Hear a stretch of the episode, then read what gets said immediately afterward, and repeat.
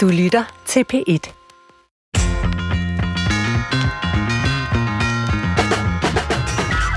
Velkommen til Brinkmanns Brix. Vi fortsætter med at berolige til retlægger Christoffer Heide Højer, der jo stadig er relativt ny i den her livslange far-opgave. Ja. Christoffer. Jamen, og jeg har jo så endnu en gang benyttet lejligheden her i det her program til at invitere en, jeg selv gerne vil høre øh, tankerne fra. Og det er Lene Tangård, din gode ven. Lene har også skrevet en bog, og den er i mine øjne guld værd mm. til alle os, der har en lille stemme i baghovedet, der kører der ud af, når man har sendt børnene afsted i halvbeskidt tøj efter en morgen, hvor skærmen blev tændt igen igen. Og når man henter om eftermiddagen, så er det sådan en helt svedig trøje, fordi man har spurtet afsted hen over byen for ikke at være den sidste, der kommer og henter sit barn. Og aftensmaden, det er sådan lidt en mystisk blanding af pølser, udkogt pasta og nogle agurker. og tandbørstning, det er sådan den største konflikt på dagen, og det slutter man af med. Og så går man ind i putningen, som så bliver timelang, fordi det var der heller ikke lige helt overskud til at regulere ned inden. Så det er sådan en, det er sådan en dag, jeg godt kan have. Ja. Og så læste jeg Lenes bog, og så tænkte jeg, okay, det er måske fint nok. ja. Det er ikke nødvendigvis det, det værste, der kan ske i ens liv. Det ens lyder som en udmærket dag i en Ja. børnefamilie. Det tænker jeg da også. Ja. Øh, nu i hvert fald. Men hvorfor tror du, at sådan nogen som mig har brug for sådan lidt en, et formidlende budskab om, at det er egentlig godt nok, det der, som ser lidt kaotisk ud? Jamen, øh, det du beskriver er jo almindeligt. Det er udbredt. Det er det normale, tror jeg. Øh, Og det er jo fordi næsten alle voksne mennesker i Danmark, mænd som kvinder, har et arbejde og øh, dermed har travlt. Når de så bliver forældre, så bliver det her forældreskab jo lagt oven i alt det andet, man skal nå.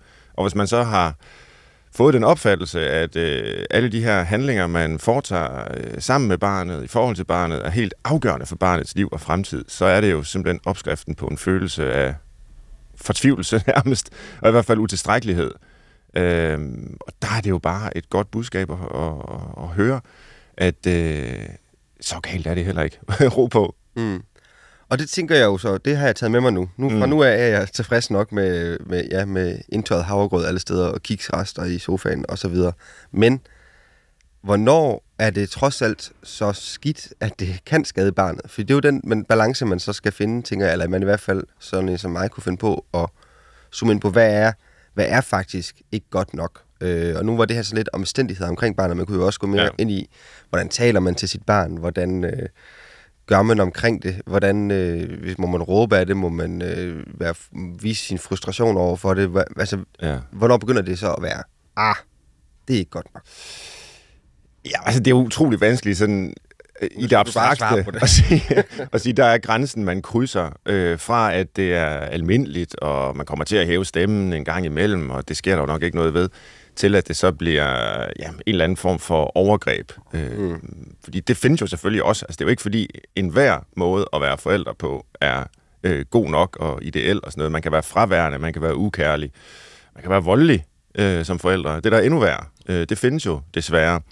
Og og det kan jo skade barnet. Men øh, der er altså ikke så frygtelig mange, heldigvis da, der er objektivt utilstrækkelige som forældre øh, på den måde. Og jeg tror jo faktisk, at langt de fleste af dem, der som du bekymrer sig om deres måde at være forældre på, er jeg nu god nok? Det er jo som regel dem, der har mindst grund til at bekymre sig.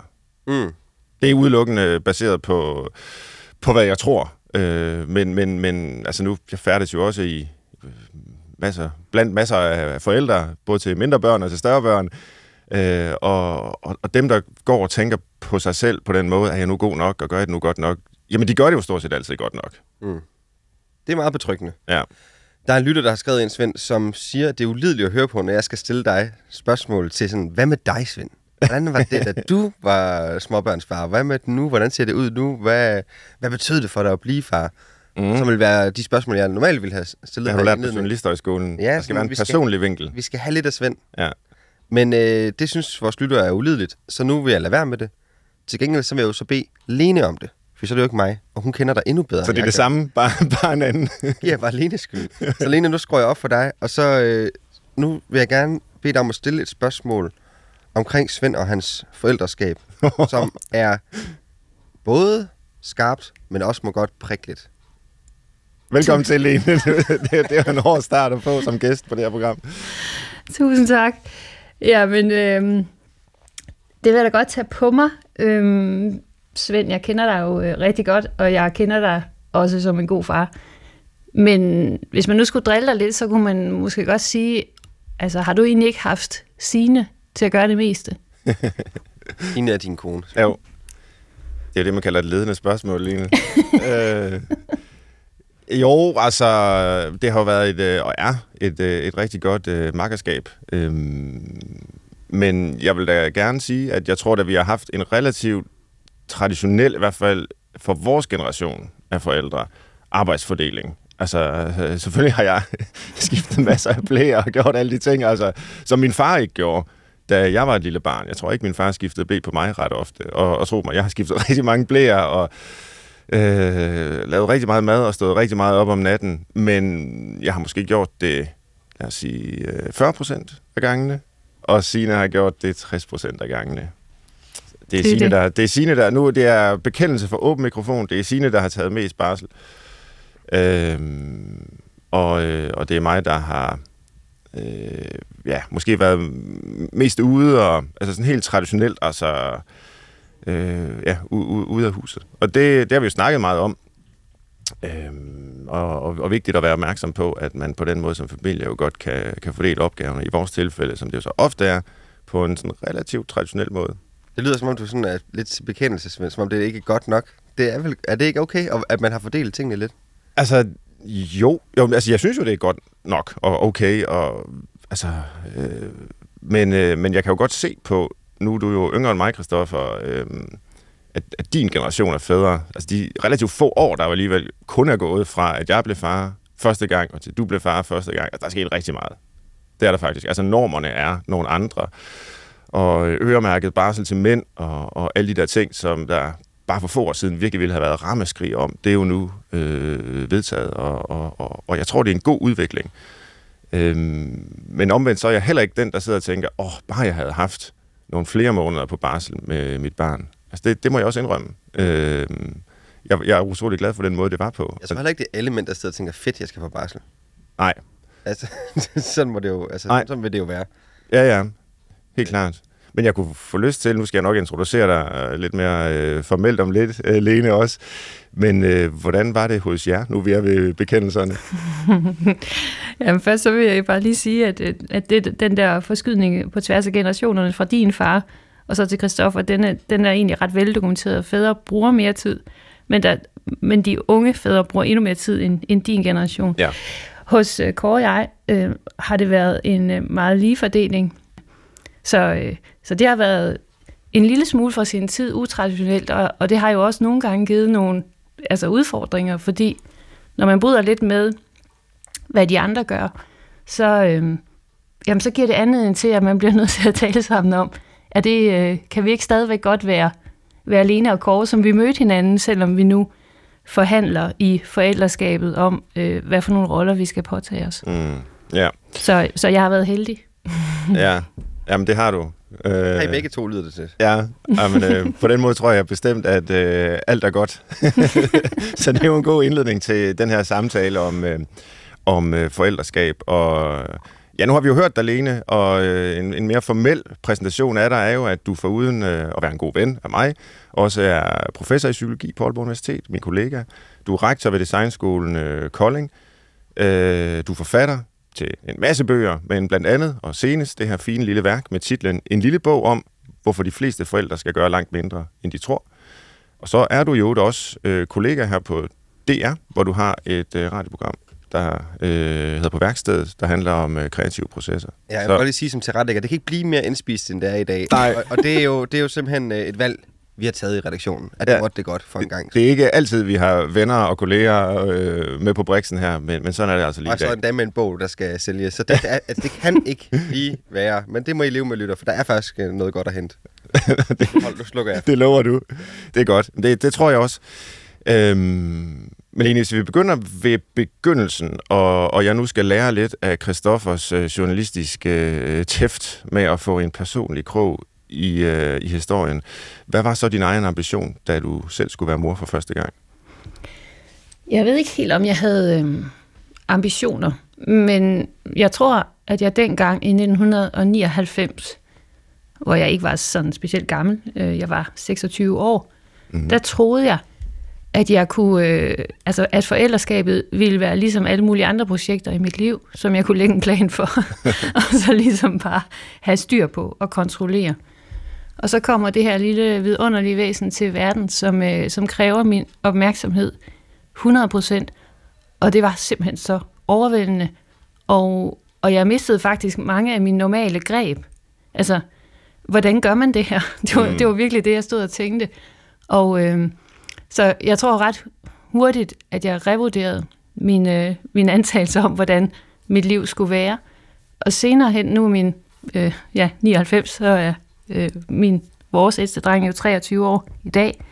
Der må jeg sige, at, at jeg så har fundet ud af, at jeg øh, har lært rigtig meget af mine børn. Altså, at forældreskabet jo egentlig er, det er ikke bare forældrene, der, der siger, nu skal det være sådan her, men man får hele tiden responser fra sine børn, og på den måde lærer man at være forældre, og på en måde skal man egentlig blive ved med at lære det, fordi børnene jo udvikler sig mm. og mhm. giver en nogle nye glæder og nye udfordringer. Nu har du skrevet den her bog øh, om, hvorfor man skal gøre langt mindre, end, øh, end man tror som forældre. Hvordan var det med dig selv i begyndelsen dengang, øh, 99? Øh, troede du, at du skulle gøre mere, altså, end, end du ved, du skulle nu? Øh, ville du det hele, og følte du det store ansvar i, i forhold til, øh, selvfølgelig sammen med Kåre, din mand, men altså i forhold til det her lille væsen, der var kommet ind i verden? Det tror jeg, jeg gjorde. Altså, noget af, altså for det første var det jo svært at komme ud af døren. Det var sådan en stor overraskelse, fordi øh, amningen, det, det var et fuldtidsjob, fandt jeg ud af. Mm. Det tror jeg nok, jeg havde læst, men jeg vidste ikke, hvad det helt betød. Men når jeg så kom ud af døren, det her er jo før internettet, og jeg kunne tænde fjernsynet, men så gik jeg ned på, på hovedbiblioteket, som jeg boede tæt på i Aarhus, og så ryddede jeg faktisk hylden fra bøger om øh, morbarn og opdragelse og så videre, og dem slæbte jeg så med hjem. Og så sad jeg og læste i dem, når jeg kunne, og så tænkte jeg, hold da op, der er meget, man skal tænke over. Ja. Nå gud, er det også det her, og nu skal du følge barnets udvikling på den her måde, og i det her fase, der skal, der skal han kunne det og det og det og det. Indtil det gik op for mig, at det gav meget mere mening at forholde mig til, altså det barn, jeg havde foran mig, og at jeg egentlig skulle lære at bruge øh, min krop til at finde ud af, hvad der var det rigtige. Og det er jo selvfølgelig med de helt små børn, er det simpelthen den, som vi jo også ved, Svend, den effektive afstemning for støren og så videre, det, det er alt det der, som, hvor kroppen egentlig ved, hvad den skal, øh, hvis man ellers øh, lytter efter og, og er nærværende over for sit barn. Så jeg tror, jeg dengang fandt ud af, at jeg, jeg kunne egentlig ikke gøre så meget. Mm. øh, at der var ikke Øh, en masse initiativer, jeg, jeg kunne tage, at jeg egentlig skulle være, og jeg skulle være nærværende, og at det var det allervigtigste. Vi lavede for ikke så længe siden en udsendelse med en øh, antropolog, som har studeret øh, forældreskab, blandt andet, men altså også øh, i fjerne egne af verden, hvor han øh, kunne fortælle om, at rigtig mange steder, blandt andet der på Filippinerne, hvor han havde været, der var det at få et barn en kollektiv begivenhed i et øh, fællesskab. Øh, det var ikke så vigtigt, hvem der var de biologiske forældre. Barnet kom ligesom ind i den her gruppe og var, var alles barn. Og nu beskriver du, hvordan det var øh, dengang. Øh, det var dig, der gik på biblioteket. Du skulle låne en bog, og måske mange bøger, og så læste dem igennem, og fandt så ud af, okay, der skulle også bare ske nogle ting af sig selv. Altså, det var ikke alt, man kunne planlægge og kontrollere øh, på det tidspunkt. Men, men det er måske lidt symptomatisk, at du jo ikke nævner øh, dine forældre, øh, den udvidede familie, naboer, eller altså, er, er der, har, har du tænkt over om, øh, altså jeg, jeg vil jo fortælle den samme historie, hvis jeg skulle fortælle om, da, da, da Signe og jeg blev forældre første gang, så var det os, der blev det, som en lille kernefamilie. Altså tror du, det er med til, øh, det her meget sådan individualiseret forældreskab, kunne man kalde det, og, øh, og pålægge forældrene de her kæmpe, det her kæmpe store pres for, det er mit ansvar at barnet lykkes? Ja, altså vi er, øh, man kan sige historisk, øh, alene om opgaven som forældre. Der er jo også i dag rigtig mange forældre, der bliver forældre alene mm. øh, som single øh, forældre. Øh, altså, jeg sad jo i en lejlighed øh, på fjerde sal, og, og Kåre var der, øh, og så fik vi jo besøg, mm. og, og vi fik mange besøg af vores forældre. Øh, men de havde jo et arbejde, øh, så, så hverdagen var jo meget... Øh, altså det måtte jeg finde ud af. Så var der en mødergruppe, det er jo staten, der, der laver mødergruppe. Øh, senere med mit andet barn var jeg faktisk så heldig, at, øh, at øh, en meget nær veninde også fik et barn på samme tidspunkt. Så, så der var faktisk lidt mindre alene, fordi vi ligesom kunne lave en, en hverdag sammen, fordi det faldt ud på, på, på, på sådan vis. Øhm, så det er helt sikkert, at der er meget mere arbejdsdeling i, i vores øh, vestlige øh, samfund, og øh, at individet står mere alene, at staten har overtaget nogle af de opgaver, som, som kollektivet øh, tidligere øh, tog. Og, øh, og, og mine forældre var jo, altså, jeg har aldrig set min far så glad, som da jeg fortalte, at jeg var gravid. Altså, der er ingen tvivl om, at, at det har be, kæmpe betydning i, i slægten.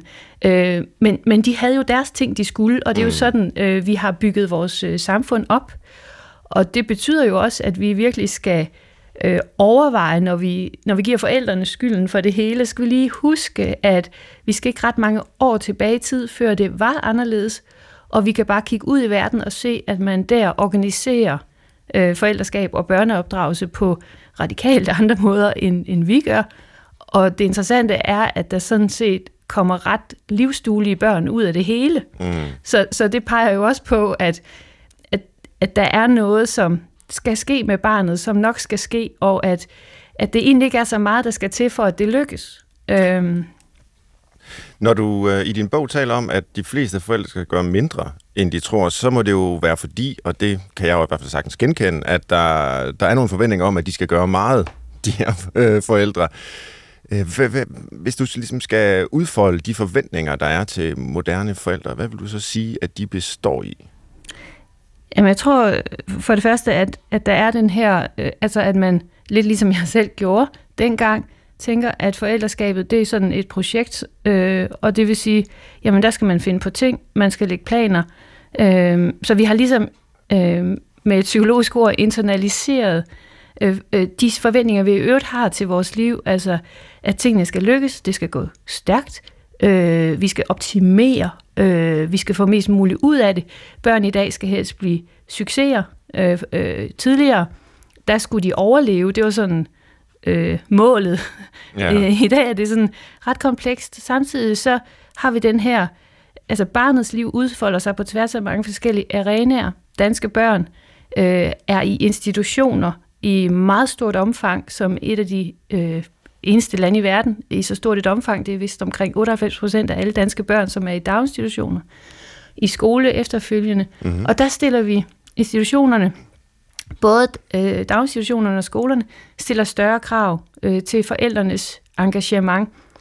Øh, et af de forskningsprojekter, som sådan inspirerede mig til at skrive bogen, som jeg var leder for, var et forskningsprojekt med to gode kollegaer i øh, Aalborg, øh, hvor øh, vi øh, blev spurgt af en dagtilbudschef, om vi vil prøve at kigge nærmere på det, han kaldte et hjemmelæringsmiljø i familierne.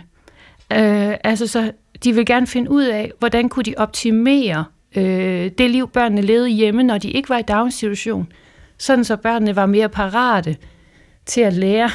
mm. og det var altså i vuggestue og børnehave. Og det øh, gør jo, at forældreskabet er, øh, så at sige med et lidt vildt ord, blevet lidt invaderet af staten. Altså, mm. Det har det altid været i, i, i, i det danske samfund, øh, men, men, men det tager til, og det vil sige, at mange forældre også oplever et intensiveret pres, øh, at man skal gøre tingene på en bestemt måde, at man på en måde bliver overvåget af staten, fordi har du nu ikke fået skrevet i den der lille bog, der følger med læsefidusen hjem, jamen præsterer du så det rigtige forældreskab? Øhm, jeg kan huske, da mine børn gik i folkeskole, så skulle vi øh, på nettet, der skulle vi skrive, hvor mange sider de havde læst hver måned. Mm. Og det blev jo til sådan en lille forældrekonkurrence, kunne man se, hvor, hvor børnene egentlig ikke deltog. Øh, så, så, så det er ikke så underligt, at forældre i dag kan opleve sig udmattede.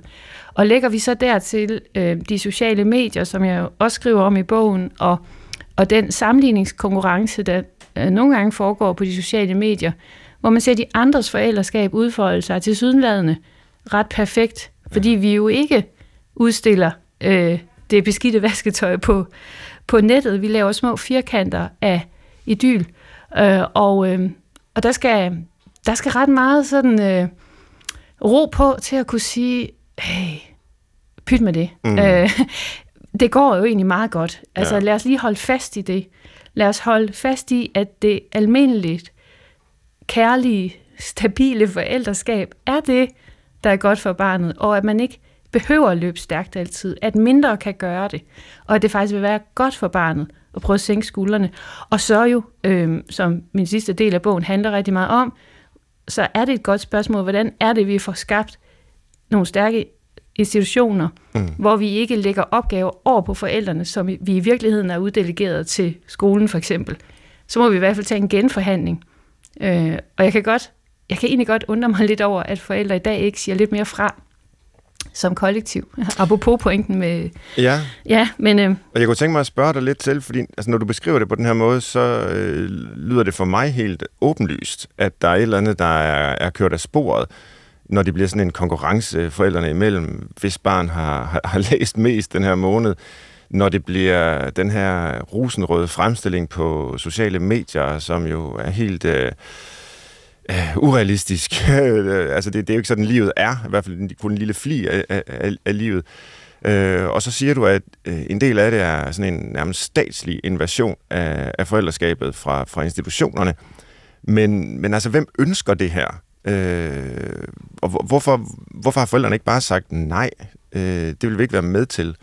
Øh, hvorfor har vi fået det her pressede forældreskab? Altså, det, der, der må være nogen, der ligesom har accepteret det, for, eftersom det, det er blevet så udbredt. Ja, det er, det er et meget godt spørgsmål. Øhm, altså det, man kan se, øhm, det er, at forældreskab i løbet af det 20. århundrede, så bliver det videnskabeligt gjort.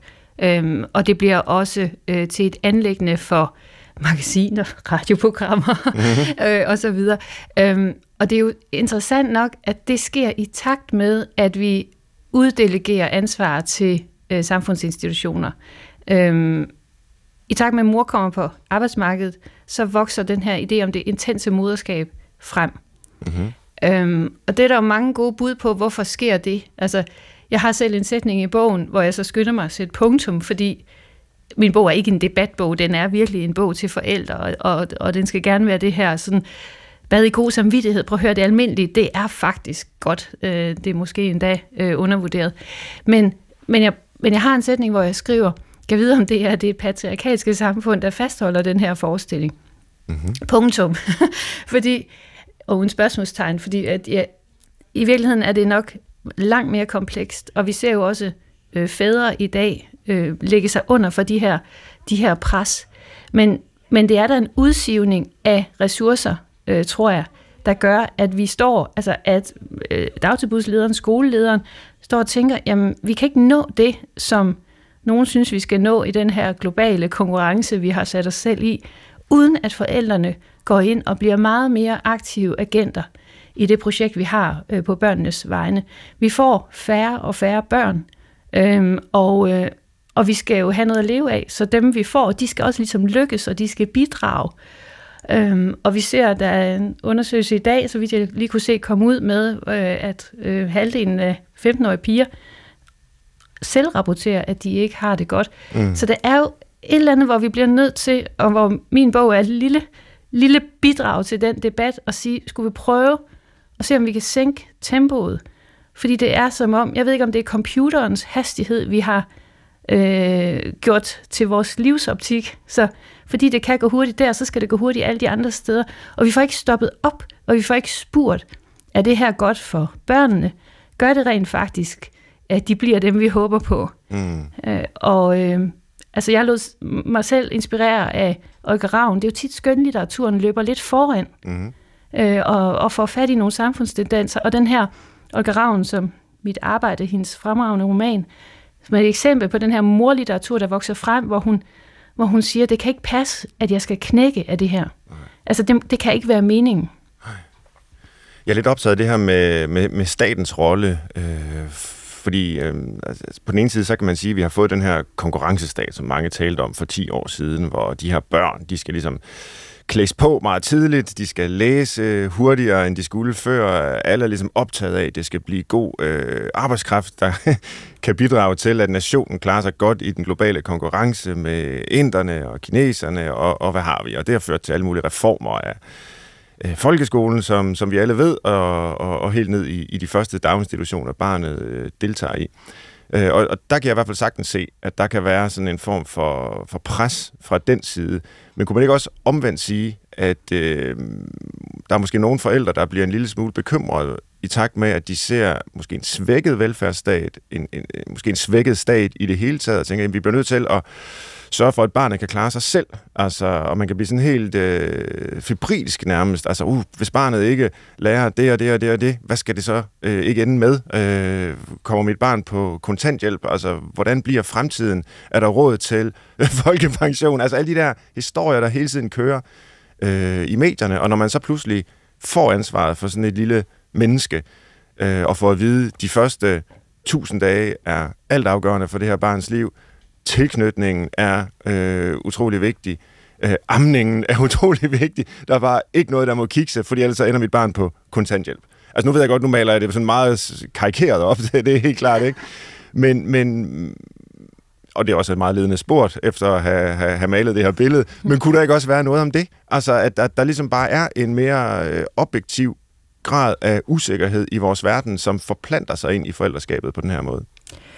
Jo, og, øh, Godt. jeg ved, jeg bare skal sige ja. Øh, nej, men, men det, er, det, er, det er selvklart... Øh, det forskningsprojekt om hjemmelæringsmiljøerne, noget af det, som vi blev optaget undervejs, vi gik jo i gang med at undersøge det her, vi interviewede en hel masse forældre og en hel masse pædagoger, og noget af det, som så øh, blev et tema, og som vi øh, skrev om i en artikel, også i et internationalt tidsskrift, det var det her med tillidsrelationen mellem forældre og øh, samfundsinstitutioner i det her tilfælde, daginstitutionen, er svækket. Mm. Øh, forældre er mere og mere i tvivl om, hvorvidt de øh, med øh, tryg, tryghed og med ro i sindet kan aflevere deres børn. Øh, hvorvidt folkeskolen lever op til sit formål. Hvorvidt ungdomsuddannelserne øh, er med til at sikre, at ens barn får en fremtid. Og den usikkerhed, som også er velbegrundet. Altså det vil sige, at den kommer ikke ud af intet. Forældre gør det godt, og på den, de gør det også godt i forhold til at, at tænke, der er noget galt her. Og det skal vi rette op på. Altså, mm. øhm, men det, der så sker, det er, og det vi fandt ud af, det var, at når den usikkerhed er der, så bliver det vanskeligere at håndtere konflikter, fordi sådan nogen er der. Det bliver vanskeligere at lave samarbejde, og så går det faktisk ud over børnene. Så der er noget, der både er et objektivt vilkår, og så er der noget, vi kan gøre i relationen, mm. hvor det at, altså vi er jo kendt i Danmark for at være et af verdens mest tillidsfulde folkefærd, og mange økonomer vil sige, at det faktisk er et råstof næsten, det er guld værd, øh, fordi det gør det let at håndtere rigtig mange samfundsanlægner, at vi har tillid til, at den mand, jeg møder på gaden, han sjæler ikke mine ting, jeg kan roligt øh, lægge mine ting, øh, fordi at så kan vi komme videre. Jeg kan roligt lave en aftale med dig, fordi øh, jamen, jeg kommer jo. Øh, når det bliver svækket, så svækkes vores samfunds innovationskraft på sigt. Det er lidt store ord. Men, og vi kan ikke genskabe tillid, men vi kan, vi kan prøve at skabe betingelser for, at den kan opstå igen. Og det gælder jo både at få øh, politikere til at tage ansvar for vores væsentlige samfundsinstitutioner – skolen, daginstitutionerne sørger for, at altså det, vi ved om børns udvikling, rent faktisk bliver brugt. Mm. øh, men vi kan også gøre noget selv, og, og det er der, hvor min bog også til forældrene siger, pas på med ikke at accelerere usikkerheden. Altså, der hvor den er velbegrundet, skal den have plads. Men der hvor man altså, kan se, at jamen, den klasse, mit barn går i, det fungerer faktisk meget godt. Så selvom jeg læser hele tiden historier om, at øh, nu øh, læser danske børn ringer og ringer end nogensinde før osv. osv. Altså, så man skal passe på med ikke at overtage den der samfundsdiskurs i hvert eneste møde, man har mm. med det offentlige. Fordi så bliver, det, så bliver det vanskeligt. Fordi det er vanskeligt at, at få noget til at lykkes, hvis jeg starter med ikke at tro på, at det kan lykkes. Altså Løstrup har jo øh, det her begreb, øh, den dobbelte tillid, den danske teolog øh, Løstrup, som jeg har, øh, og som vi anvendte i forskningsprojektet også, øh, fordi som han sagde, undervisningen virker, når underviseren har tillid til, at det her barn kan lære og vil lære, og omvendt, når barnet har tillid til, at, øh, at den der lærer kan lære noget af. Øhm, så, så hvis den dobbelte tillid øhm, lider skibbrud, så bliver det rigtig, rigtig svært øh, at, øh, at få et, et, et godt liv. Ja. øhm, så, så, øhm, så, så svaret på de spørgsmål er ja. Øhm, og der er noget, der skal gøres på mange planer. Men Der- vi har også et ansvar. Der er to øh, store begreber, som stort set kan trækkes ind i enhver diskussion om samfundsmæssige emner. Det er køn, og det er klasse. Der er selvfølgelig også andre, men det er ligesom to af dem, øh, der, der er næsten altid er væsentlige kort at spille. Og, og, og, og vi har talt, især i begyndelsen, en lille smule om, om køn, øh, om forskellen på at være øh, kvinde og mand, altså mor og, og far. Øh, og det, det, det vil jeg gerne øh, også bare dvæle en lille smule mere ved, om øh, der er noget særligt på spil for den moderne øh, mor. Men jeg vil sådan set også gerne spørge dig, om du tror, at der er en klasse øh, problematik i det her. Altså er det, er det ikke primært sådan højt uddannede, og måske primært især højt uddannede kvinder, som har den her øh, fornemmelse af, eller forventning om, at forældreskabet skal være perfekt. Så, så kan, kan du sige lidt om det, altså hvilken rolle køn og klasse spiller i forhold til problematikken her? Ja, absolut. Og du har ret. Det er primært højt uddannede kvinder, som øh, tager, øh, tager de her krav til sig, øh, som lever op til alle forventningerne, som holder øje med, hvad der foregår på Aula, mm. altså som, som, øh, som er på. Altså, der er undersøgelser, der viser, at øh, vi bruger, og det er jo på mange måder en god nyhed, som forældre bruger vi historisk meget tid med vores børn. Kvinderne bruger mere tid end nogensinde før. Mændene øh, og andre forældre bruger mere tid end nogensinde før. Det er stadig kvinderne, der fører, kan man sige. Mm. Øh, og, og, øh, og på den måde er det jo også, så der er et kønsmæssigt aspekt her, og idealet om det intense moderskab, hvor, hvor, hvor moderskabet skal være alt opslugende og øh, primært identitetsgivende. Altså, jeg er mor, og det, det er det, jeg skal lykkes med. Øhm, så, så, øhm, så er der også klasse i det. Altså, øhm, og øhm, og det, det bruger jeg noget tid på til sidst i min bog, hvor jeg er inspireret af en øh, psykologiprofessor, der hedder Anne Mason, som har skrevet en øh, fantastisk bog, der hedder Ordinary Magic, og som handler om øh, børns udvikling, og med titlen indikerer det, at det er ordinær magi, der skal til. Og, og det er ikke magi forstået som et eller andet mystisk, men det er den magi, der opstår, når flere øh, går sammen om barnets udvikling. Når mor og far ikke står helt alene, når lokalsamfundet bidrager, naboerne, bedsteforældre, øh, børnehaven, skolen, øh, civilsamfundet. Øh, og det vi kan se, altså, og det, det er, hun er resiliensforsker, som det hedder, og i resiliensforskningen har man jo interesseret sig for det her med øh, mælkebøttebørn, som sådan et, et billede på, øh, hvordan kan det være, at der er nogle børn, der som mælkebøtter bryder op af asfalten, selvom det er stort set umuligt. Hvordan kan det være, at børn i udsatte positioner nogle gange lykkes alligevel? Og der kan vi se, det er, når en pædagog træder til der, hvor mor og far ikke magter det. Det er der, hvor en lærer bliver betydningsfuld øh, og får barnet øh, overvist om, at du skal noget mere, fordi du, øh, du er dygtig til at gå i skole. Mm. Øh, og derfor er der klasse i det her. Det, der er lidt interessant, det er, at vi, altså for eksempel Bourdieu, sociologien viser os jo, at det, der starter med at være et øvre middelklassefænomen eller et overklassefænomen, det forflytter sig meget, meget hurtigt til alle samfundslag. Mm. Så de her øh, krav øh, har jo også gennemslagskraft for den mor eller far, der er ufaglært og skal møde klokken 7 eller klokken 6 om morgenen og at ikke har ressourcer til at hente tidligt, og måske også oplever, at kravene om at lave et hjemmelæringsmiljø er ekstra belastende. Så også altså, af de grunde skal vi interessere os for, hvad der sker på tværs af klasserne, fordi det har øh, effekter på forskellige måder, og vi skal interessere os for, hvordan vi, er, hvordan vi skaber et samfund, hvor den her ordinære magi rent faktisk øh, kan ske, og hvor man som forældre ikke bliver udskammet, fordi man ikke lykkes, men hvor vi tager os af det, ligesom vi tager os af andre situationer, hvor hvis knæet øh, er i stykker, så reparerer vi det. Mm. Altså det, det, det er som om, at, at når det er de her anlægner, så lægger vi skylden øh, over på mor især, eller forældrene, og får ikke ligesom øje på, jamen selvfølgelig skal vi gå ind og hjælpe der, hvor det her det er svært, og vi skal gå ind og hjælpe der, hvor de her intensiverede krav i virkeligheden virker modsat. Altså i takt med, at vi har været mere og mere optaget af, at vi skal have de sidste 20 procent, eller hvor mange det nu er, i folkeskolen til at lære mere, og har lagt det ansvar også mere og mere over på forældrene, jo dårligere går det. Men det med at gå ind og hjælpe Øh, det med at komme udefra øh, og sige til forældre, ah, har I tænkt på, om er det nu det bedste, I gør der? Og, altså, det er jo noget af det allermest vanskelige øh, og, og, og, og gøre noget af det, der kan støde og såre øh, allermest. Jeg, jeg kan selv huske, øh, måske ikke sådan konkrete episoder, men den der fornemmelse af, nu, øj, det blik, man fik fra pædagogen i, i børnehaven, øh, eller hvis... Øh, ja, måske også ens egne forældre har stået og kigget og sagt, ah, men det, måske er det ikke helt det rigtige. Altså, nøj, det er svært. øh, og, og, og, og samtidig så ved, øh, ved vi, som du også er inde på her, øh, med mælkebøttebørn og så videre, det, det er der, hvor der faktisk er nogen udefra, der har, der har trådt til, hvis øh, en pædagog, øh, en, en eller anden øh, person, som kan, kan gå ind og afhjælpe der, hvor forældrene måske ikke øh, er helt tilstrækkelige.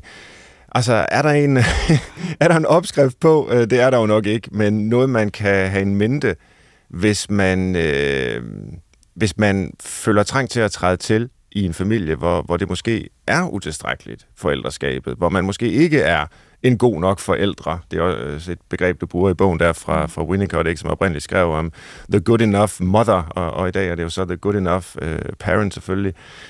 Uh, hvis man nu ikke er det, hvordan i alverden kan man så få en, uh, en samtale øh, med, med, med, med den forælder. Ja, Jamen, det er jo det, som øh, dygtige sundhedsplejersker er uddannet til. Ja. For det er en, øh, en kunstart at få øh, sagt øh, til, når der skal gøres noget. Jeg, jeg tror, det handler om at smide mm, lidt blodfærdighed. Øhm, og, og måske i stedet for at komme med svaret, så spørge åbent, har du tænkt over? Øhm, men det er enormt svært, øh, fordi at forældreskabet jo også er et privat anlæggende, øh, og, og skal have lov at være det.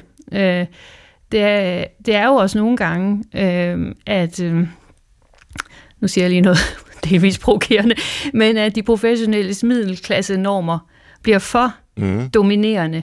Øh, fordi nogle gange kan det faktisk godt være ok for barnet, det som sker, selvom det professionelle system vurderer, at det er for meget af det gode, eller for lidt af det gode. Øhm, men, men naboskabet kan noget i den her øh, sammenhæng, også som metafor, hvor man måske bare øh, går og lurer lidt i haven og, og får snakket, øh, og hvor man måske bare tilbyder sin hjælp, i stedet for at snakke så meget, mm. så kan en portion varm mad øh, hen over hækken, den dag det brænder på, måske være det, der skal til. Altså, øh, men problemet er selvfølgelig, at vi lever mere isoleret, øh, og derfor bliver det næsten grænseoverskridende at skulle sige til og fra. Så der, så der er et eller andet meget, meget spændende i det der med det kollektive ansvar, som vi bør tage på os. Øhm, og øh, jeg er jo meget interesseret i, i håndværk og, øh, og mesterlærer, og, og, og det skriver jeg også om i forhold til forældreskabet. Jeg tror, det er vigtigt at erkende, at du fødes ikke som fremragende forældre, det bliver du måske heller aldrig nogensinde, men det er noget, du kan lære, mm. og, og, og man kan lære af, af sine fejl.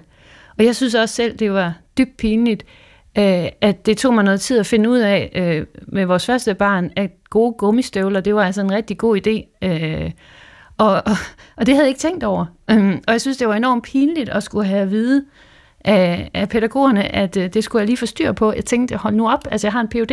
Øhm. ja. men det der, men, men det, det, var jeg, det havde jeg jo faktisk ikke styr på, og jeg er da utrolig taknemmelig for, at der var nogen, der sagde, sagde til. Og det er jo endda en meget lille ting. Ikke? Og, ja, ja. Altså, tænk, tænk nu, hvis det var alvorligere ting øh, vedrørende dine forældreevne. Altså, ja. det, det, det er jo en kæmpe øh, tabu, ikke? Altså, man må, man må være økonomisk uansvarlig, man må være tjusket og doven, man må, altså, man må være næsten alt. Øh, og, og, og vi tilgiver fejl, og det gør vi måske ved at øh, tilgive os selv også, men man må ikke være en dårlig forælder. Vel, fordi så, så forvalter du dit liv på en måde, der går ud over et andet menneske. Øh, vi føler, at vi måske nærmest er eneafgørende i forhold til det menneskes liv, altså vores børn. Ja, men det tror jeg, det er det, der er noget historisk nyt, tror ja, jeg. Ja. Øh, det, det er der, hvor man har haft mere elegante øh, arbejdsstillingspraksiser tidligere, hvor man levede tættere sammen mm. øh, og kunne tage over uden at skulle øh, banke på døren øh, og, og ligesom gribe ind i folks liv, men hvor man, hvor man var øh, mere sammen, og hvor civilsamfundet også spillede en øh, større rolle, lokalsamfundet spillede en, en større rolle. Øhm, men det er jo underligt, at det er så tabuiseret. Tror du, øh, tror du, psykologien har haft en rolle i alt det her? Altså, vi har jo vi har talt en lille smule, du nævnte stern og effektiv afstemning, og hele det der samspil mellem forældre og børn, som er så afgørende. Vi har tilknytningsteorien. Uh, den her tilknytning, den skal jo virkelig lykkes, fordi ellers så øh, kigger hele barnets liv. Det er jo teorier fra, fra psykologien, som også er glædet ind i, øh, i nogle af de her selvbøger. Du har også øh, refereret til begyndelsen, Lene, og i ja, populærkulturen og noget, vi alle sammen kan forholde os til. Altså, øh, har, har vi som psykologer øh, skabt et helt urealistisk billede af, hvad moderne forældre skal? Ja, øh, det tror jeg, vi har. Øh, altså, øh, psykologien er jo øh, som videnskab barn af moderniteten, og, øh, og lykkes som videnskab, fordi vi er gode til at komme med alle mulige bud på, hvordan man kan optimere altså masseinstitutionerne, øh, militæret i udgangspunktet, skolen, øh, og nu også forældreskabet. Øh, og, øh, og det, som psykologien jo gør, det er, at den øh, fokuserer overvejende på øh, individet, eller øh, til nød på dyaden mellem mor og barn. Øh, og, øh, og vi har været gode til at beskrive det, der skal til. Øh, og det er jo på godt og ondt. Altså det, som psykologien gør, som jeg tror har været rigtig gavnligt, hvis vi må tale om det, Svend. det må du godt. det er, at så pyt. Den, så pyt. Øh, men, men, det, men det er jo, at øh, den går ind altså, i det danske samfund sådan stort set efter 2. verdenskrig, og er med til at hjælpe os til at få et øh, mere nuanceret perspektiv på barnet. Altså de empiriske spædbørnsundersøgelser, øh, som øh, fra Storbritannien oprindeligt begynder at vise os, altså hvordan vi kan forstå barnet, hvordan vi kan tage afsæt i barnets behov, og det var et nybrud på, på, på det tidspunkt i, øh, i 50'erne og, og 60'erne, og det gør gavn i skolen og inspirerer reformpædagogiske bevægelser. Øh, men, men desværre så virker psykologien også på den måde, at den er med til at installere nye krav. Samtidig med, at den beskriver den optimale interaktion mellem mor og barn, så bliver det også nye krav, som kommer ind, fordi psykologien bliver øh, et meget væsentligt led i i det moderne samfunds øh, udvikling og den øh, optimering, vi får af, af de måder, vi er sammen på. Og psykologiens problem er jo nogle gange, at den glemmer at fokusere på det der udenom individet. Ja. Altså, ja. Og man må også sige, nu tror jeg, jeg vil prøve at afprøve en tanke, som øh, er alt, alt for, for simpel.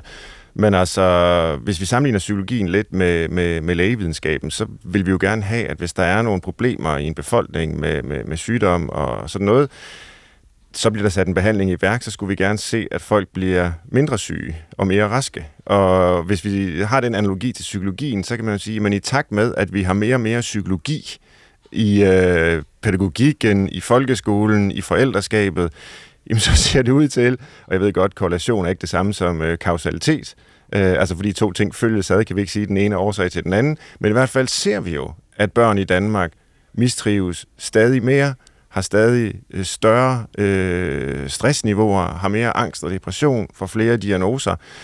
Altså ungdomsforsker Nomi Katznelson, også en af vores kolleger, har, har jo talt om psykologisering som en af motorerne i øh, mistrivselskrisen. Altså vi gør alting til psykologi, også i relationen mellem mennesker, relationen mellem forældre og, og, og, og børn. Øh, vil verden være bedre på det her punkt? Det, det tror jeg nu ikke, jeg vil sige. Det tror jeg så heller ikke, du vil, men Altså, nogle gange kunne man godt drømme om, øh, at man bare brugte sin sunde fornuft, altså, og, og lod tingene ske en lille smule mere, end man gør i dag, hvor vi har den her øh, psykologiske bevidsthed om alt, hvad der sker, og, og som måske faktisk er kontraproduktiv. Ja, øhm, altså, jeg tror, hvis vi nu øh, køber den tese, vi er i gang med at udvikle her, at psykologien ja. ligesom bliver en væsentlig øh, øh, drivkraft for det moderne samfunds udvikling i den, øh, i den form, vi kender det, og, og måske også bliver en slags moderne religion øh, for det moderne menneske, vi forstår os selv som psykologiske væsener, så er det jo på sin plads, at man også udøver en form for religionskritik, mm. og, øh, og det skal psykologer også gøre. Øh, det skal vi lære psykologer at gøre, og det vil sige, at man, kender, man skal kende sit fags begrænsning. Øh, man skal vide det, som faget kan, Øh, men man skal også gå ind og korrigere, korrigere der, hvor man kan sige, nu skal der faktisk ikke, det, det vil i virkeligheden også øh, en hver god læges øh, opgave, ikke nødvendigvis at give medicin der, hvor der er noget andet, der skal til. Ikke altid at behandle, selvom det mm. kan lade sig gøre. Og Det de over, ja, Den første sætning i den hippokratiske ed der, det er jo først gør ingen skade, ikke? ja, Øh, der, det, der er vi jo vant til som psykologer måske at, at tro, at øh, jamen, vi kan ikke gøre skade. Det er altid bedre at snakke om det, end ikke at snakke om det. lige præcis. Og, og der, altså, måske skal vi snakke mindre i den her sammenhæng, apropos min, min bogs titel, hvad skal vi gøre mindre af? Vi skal snakke øh, mindre og gøre mere. Så i stedet for, øh, som vi talte om, at gå hen og sige, jeg tror, du, øh, den der fejl, du lige lavede der, den- den skal du holde op med. Så i stedet komme og sige, hvad kan jeg hjælpe med? Ja. Øh, har du brug for, at jeg lige kører hen og handler for dig? Altså gøre noget øh, sammen, som er meningsfuldt, frem for nødvendigvis at gøre det til et psykologisk øh, problem. Altså et, et lille eksempel på det fra mit eget liv var, øh, der med mit første barn, så havde jeg lige lidt svært ved at få amningen i gang. Og øh, så kom der en øh, meget sød sygeplejerske, som øh, begyndte at gøre det til et psykologisk problem. At det var noget med, hvis jeg var stresset øh, mm. og, og, og var lidt overvældet, så kunne det godt være svært og så videre. Og jeg tænkte, hold nu op, altså det, ved, jeg- det er ikke det. Øh, men, øh, men jeg købte den jo lidt, fordi det var en prof, det et professionelt menneske. Og så kom den anden øh, sygeplejerske, og så sagde hun øh, til mig, ved du hvad, jeg tror, du har brug for et godt glas øh, koldt vand. Øh, og det kom hun så med, og det hjalp faktisk. Så det var ikke et psykologisk problem. Og det, og det, altså det er sådan, i, i sin kerne er det det, der går galt nogle gange, at vi gør øh, altså problemer, hvor det i virkeligheden er et glas koldt vand, vi har brug for, eller, øh, eller en, en, et godt kram, Ja. øh, så, så skal vi snakke om det. Øh, og det tror jeg ikke altid, vi skal. Nu vil jeg godt lige tænke mig at bryde ind, Lene. Nu har jeg siddet og lyttet, og øhm, et spørgsmål, jeg, som du bruger noget tid på i bogen, som vi ikke har været inde på, som, og som jeg synes beskriver noget af det, som psykologi er god til, det er at normalisere. Øh, det er at fortælle os, at det er måske fint nok. Ja. Øhm, og det spørgsmål, vi springer lidt henover, det er her, hvad er det, hvad kan børn holde til? Altså, hvad kan de egentlig klare? Mm. Øhm, Mm, jamen børn kan, kan holde til rigtig meget, og de kan øh, langt mere, end vi tror. Og det er jo noget, det i psykologien også har været med til at beskrive, at de øh, billeder, vi havde af børn ja, øh, før 2. verdenskrig, det var sådan, de var nogle forbandede sataner, og, og, og, og de var små voksne, der ikke var færdige, øh, til at vi begynder at opdage alt det, de udtrykker, alt det, de kommer med. Øhm, og børn kan øh, rigtig meget, og de kan rigtig meget, når de får lov til øh, at være på egen hånd også. Og det, jeg mener ikke nødvendigvis, at det er uden forældre i nærheden. Det kan det nogle gange med fordel være. Men det her med at få lov til at øh, være med til at hjælpe i køkkenet, få lov til at, at, at, at slå søm i og skære i noget træ, få lov til at, at male, øh, øh bruge penslerne, få lov til at spise selv. Altså, når vi giver børn mulighed for at udfolde sig, så, øh, så viser de os, øh, hvad de kan. Øh, og det kræver, at forældre øh, træder lidt til siden, øh, og ikke hele tiden sætter sig selv i centrum, faktisk.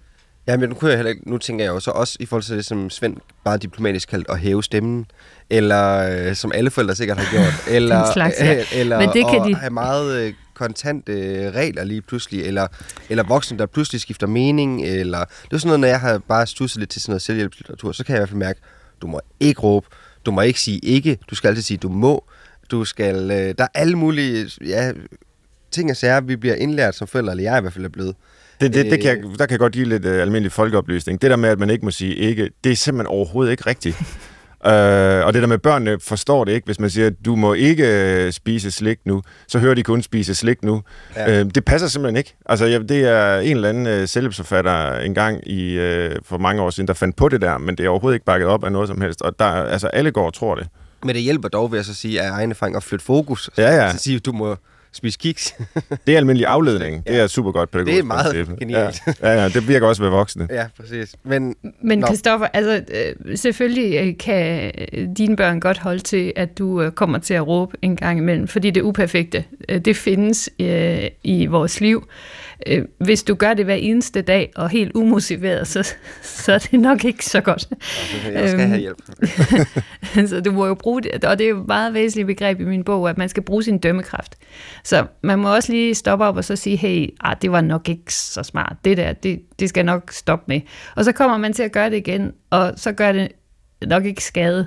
Men altså, over tid. Man skal altid vurdere ting over tid, og det gælder jo også med at spise slik. Hvis du spiser slik hver dag, så er det nok ikke super godt. Måske kan det godt gå. Men, men altså, alt med måde i den her sammenhæng, og det er jo den øh, øh, sunde fornuft, eller den praktiske for, for, fornuft, som jo også er Aristoteles øh, begreb, og i virkeligheden en vidensform, som er lidt undervurderet, som vi skal have fat i igen. Og jeg tror, øh, hvis du læser i alle de her meget velmenende bøger, at du må ikke det ene, og du må ikke det andet, så kan det jo også øh, altså ende med at blive altså, uforklarede sandheder, som overhovedet ikke har noget med dit forældreskab at gøre. Så, så øh, hjem og... nu siger jeg noget, Svend ikke er vild med. Hjem og mærke efter. det jeg gøre. Det vil jeg glæde mig til. Det har jeg ikke gjort i mange år, efter jeg har mødt Svend. Så nu vil jeg genopbygge det. Du må godt. Ja. Bare en, ja, en lille smule. Øhm, altså, jeg, der er et eller andet paradoxalt ved øh, i din bog, Lene, at du har de her seks gode huskeråd til forældre, synes jeg, fordi øh, du har også sagt her i samtalen, at vi skal måske tale mindre mm. og, og, og gøre mere. Øh, og alligevel så går du ned af, af den her sti, hvor du kommer med, med gode råd. Det er også noget, jeg nogle gange selv øh, falder i, øh, den her øh, ja, lidt, lidt paradoxale opgør med øh, selvhjælp og så videre, og så bliver det alligevel til selvhjælp, det man øh, skriver. Øh, og, og det gør din bog jo sådan set også på sin vis, og det er der jo ikke i sig selv noget galt med. Men øh, har du tænkt over om, altså hele din bog handler jo om, at der jo i forvejen er rigeligt af råd derude, og så kommer du med seks nye. ja, det har jeg tænkt rigtig meget over. Nu er det sådan, når man skriver en bog, så har man også en redaktør. det er redaktørens skyld. Undskyld med det. men, men de elsker, de Ja. ja. elsker opsummeringer. Ja. Øh, og øh, så de seks gode råd skal man tage med grænsalt i min bog. Det er en form for, i virkeligheden er det en form for opsummering af, af bogens budskaber, Ja. fordi jeg jo netop skriver, at min bog ikke er en manual i, øh, hvordan man skal gøre, men den er øh, en, øh, mit forsøg på at, at hjælpe de forældre som Christoffer, som tænker, at det almindelige ikke er godt nok. Det almindelige er faktisk ret godt. Det er måske nogle gange det allerbedste øh, for børnene. Mm. Og, øh, og så, øh, så er det selvfølgelig, det er, det er det almindeligt hengivende, som er det, børn har brug for om alle de erfaringer, du har som forældre, som forsker, nu har du skrevet bogen her, øh, kan du så egentlig anbefale folk at få børn?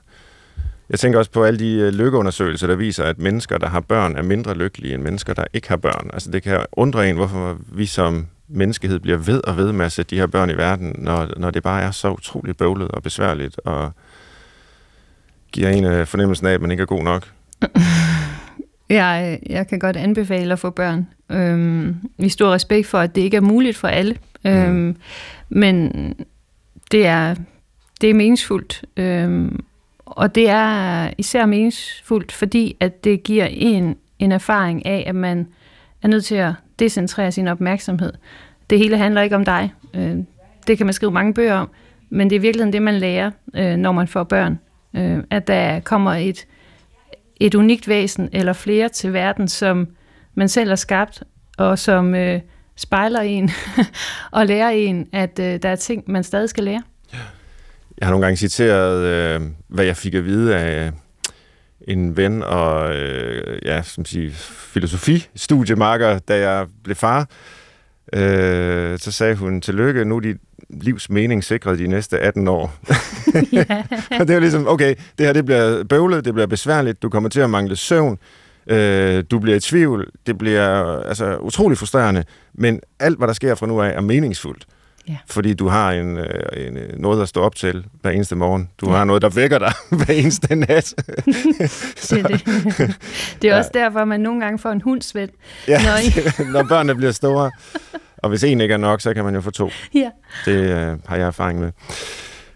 Øh, Lene, vi er nået til listen, som du jo ved, du har været øh, gæst i programmet øh, tidligere, så øh, det er jo vores måde at runde af på. Lidt ligesom du har seks gode huskeråd i, i din bog, der opsummerer det, så har vi vores liste. Vi har så kun øh, tre råd, eller grunde, eller hvad det nu er, der øh, vender op og ned på, hvad vi har, har talt om i, øh, ud fra en ambition om, at så øh, ser man det måske lidt i et andet lys. I dag er oplægget tre gode grunde til at leve ud fra tanken om, at forældre afgør alt i barnets liv. Hvad kunne grundene være til det? Jamen det første kunne jo være sådan noget i retning af, at alt, hvad du gør, har betydning for barnet. Ja. Øhm. så man virkelig bliver fixeret i at hver eneste handling. Så hver gang du skælder ud, så øh, går det direkte ind og påvirker øh, barnets øh, mulighed for øh, at bidrage til bruttonationalprodukt. Ja, man kan, man kan få sådan en app sikkert, hvor man Ja, kan, man kan- hver gang man skal ud, så registrerer man det, og så kan man Ja. se, hvor, hvor, hvordan det har effekt på nationens økonomi. og så ryger du ned på ranglisten som samfundsborger. Ja, Øhm, og et, et andet råd kunne jo være, øh, altså sæt øh, urealistiske forventninger øh, til dig selv om, hvad du magter mm. som forælder. ja man skal sætte barn højt, det hører vi jo tit. Sæt barn højt. Uh, reach for the sky. Ja, reach for the sky. Ja. Øh, no limits.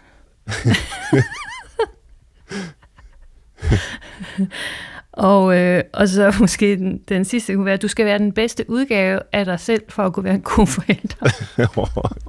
det, det får vi også at vide. Men det, du beskriver der, det er jo bare sådan, det er. ja, ja, Det er jo det, folk tror. det er det, folk tror, det er det. Ja. det, er det. Og det er derfor, du har skrevet en bog, der ja. egentlig fortæller dem det modsatte. Ja. Og det er et vigtigt og velkomment budskab. Tusind tak, Lene Tangård, for at komme og tale med mig og med Christoffer om øh, din bog. En lille bog om, hvorfor de fleste forældre skal gøre langt mindre, end de tror, og i det hele taget om øh, dit syn på forældreskab. Det var en fornøjelse, Lene. Selv tak. Til retlægger Christoffer Heide Højer og jeg kan øh, man skrive til på brinkmannsbrix.dr.dk. Øh, I er velkomne til at foreslå nye emner, vi kan tage op. Og under alle omstændigheder, så er vi tilbage igen om en uge. Indtil da kan du finde vores tidligere udsendelser i DR Lyd. Jeg håber, vi høres ved. Tak for i dag.